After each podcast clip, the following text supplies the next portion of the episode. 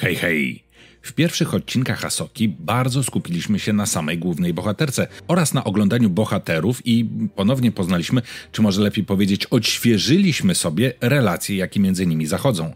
Możemy też obserwować nową republikę i istniejące w niej problemy w czasie rządów. Ale ja nie o tym. O samym serialu Asoka możemy długo dyskutować i pewnie nie jeden film na kanale będzie temu poświęcony. Niemniej, Dave Filoni w serialu Asoka wprowadził jedną rzecz, już teraz, po tych paru odcinkach to wiemy, która może mieć gigantyczne konsekwencje dla całego uniwersum Gwiezdnych Wojen, która zmienia nawet film Imperium kontratakuje. Pewnie nawet sobie nie zdajecie sprawy jaką. Ciekawi? Zapraszam na filmik.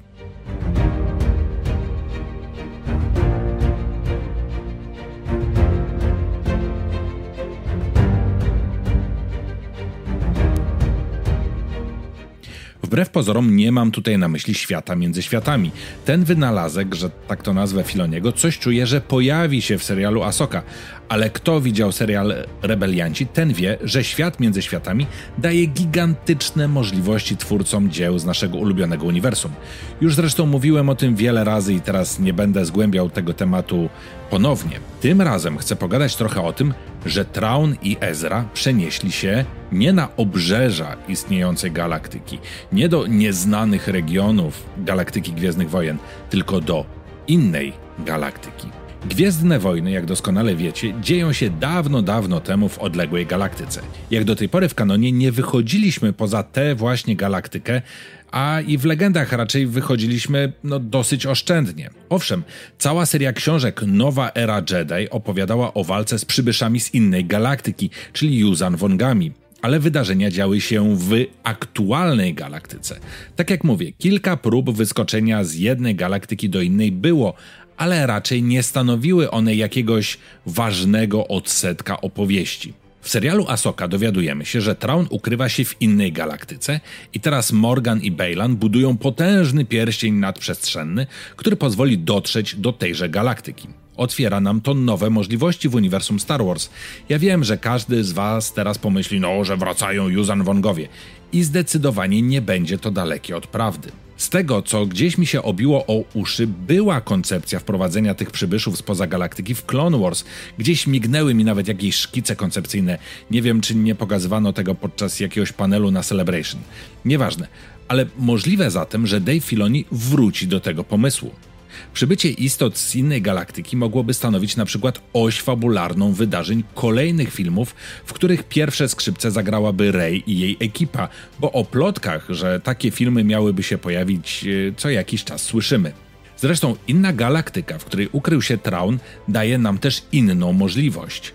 Może gdzieś tam ukrył się Palpatine, zanim udało mu się wrócić na Exegol. Przecież pomiędzy serialem Asoka a epizodem 9 jest y, przepaść około 25 lat. Może to z innej galaktyki pochodzą zasoby na budowę wielkiej floty, którą widzimy w finalnej bitwie Skywalker Odrodzenie?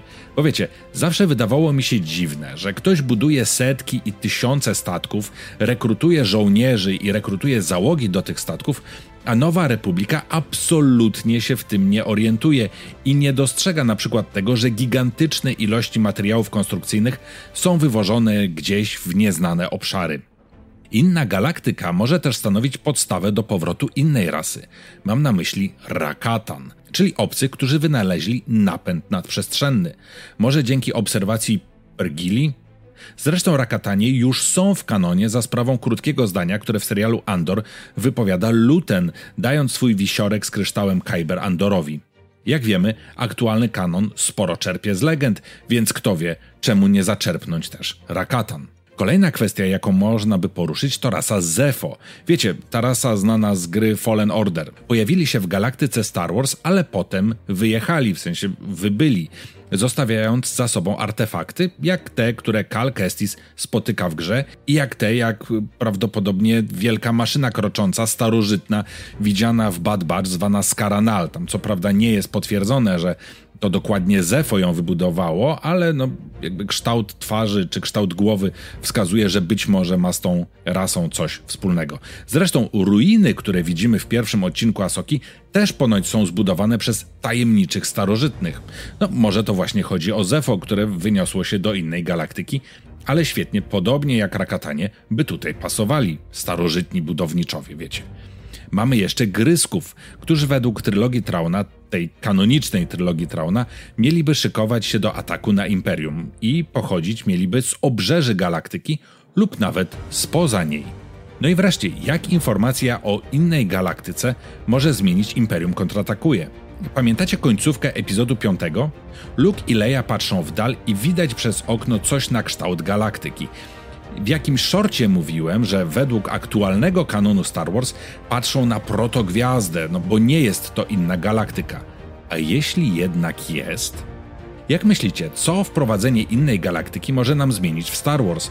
Koniecznie dajcie znać w komentarzu, a tymczasem ja Wam dziękuję za obejrzenie tego filmiku i zapraszam do kolejnych. Trzymajcie się, uśmiechajcie się często i uważajcie na siebie.